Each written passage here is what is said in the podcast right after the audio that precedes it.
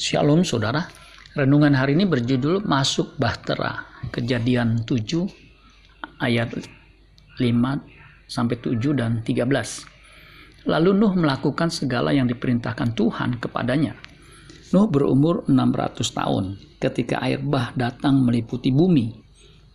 Masuklah Nuh ke dalam bahtera itu bersama-sama dengan anak-anaknya dan istrinya dan istri anak-anaknya karena air bah itu. Pada hari itu juga masuklah Nuh serta Sem, Ham, dan Yafet, anak-anak Nuh dan istri Nuh, dan ketiga istri anak-anaknya bersama-sama dengan dia ke dalam bahtera itu.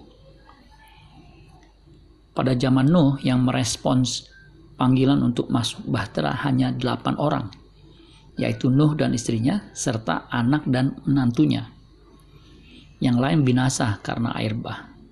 Bagaimana dengan zaman now? Jika pada zaman Nuh sedikit sekali orang yang terpilih, zaman now pun sama. Rasul Petrus menyinggung peristiwa Nuh yang masuk bahtera dalam dua suratnya. 1 Petrus 3 ayat 20, yaitu kepada roh-roh mereka yang dahulu pada waktu Nuh tidak taat kepada Allah. Ketika Allah tetap menanti dengan sabar waktu Nuh sedang mempersiapkan bahteranya, di mana hanya sedikit, yaitu delapan orang yang diselamatkan oleh air bah itu.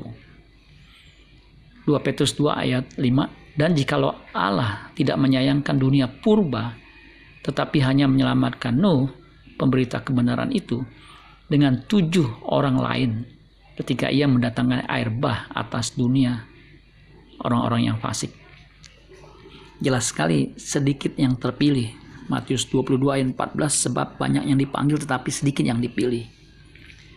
Di Lukas 13 ayat 23 sampai 24 dikatakan dan ada seorang yang berkata kepadanya, "Tuhan, sedikit sajakah orang yang diselamatkan?"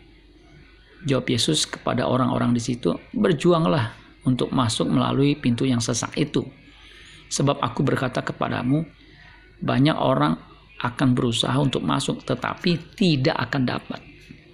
Pada kenyataannya memang sedikit saja yang meresponi panggilannya, masuk ke pintu yang sesak itu. Padahal jika kita masuk pintu itu, kita akan selamat. Yohanes 10 ayat 9. Akulah pintu. Barang siapa masuk melalui aku, ia akan selamat.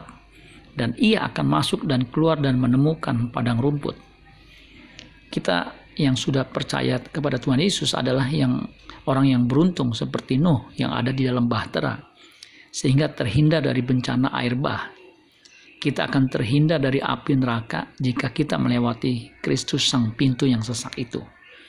Amin buat firman Tuhan. Tuhan Yesus memberkati. Sola Gracia.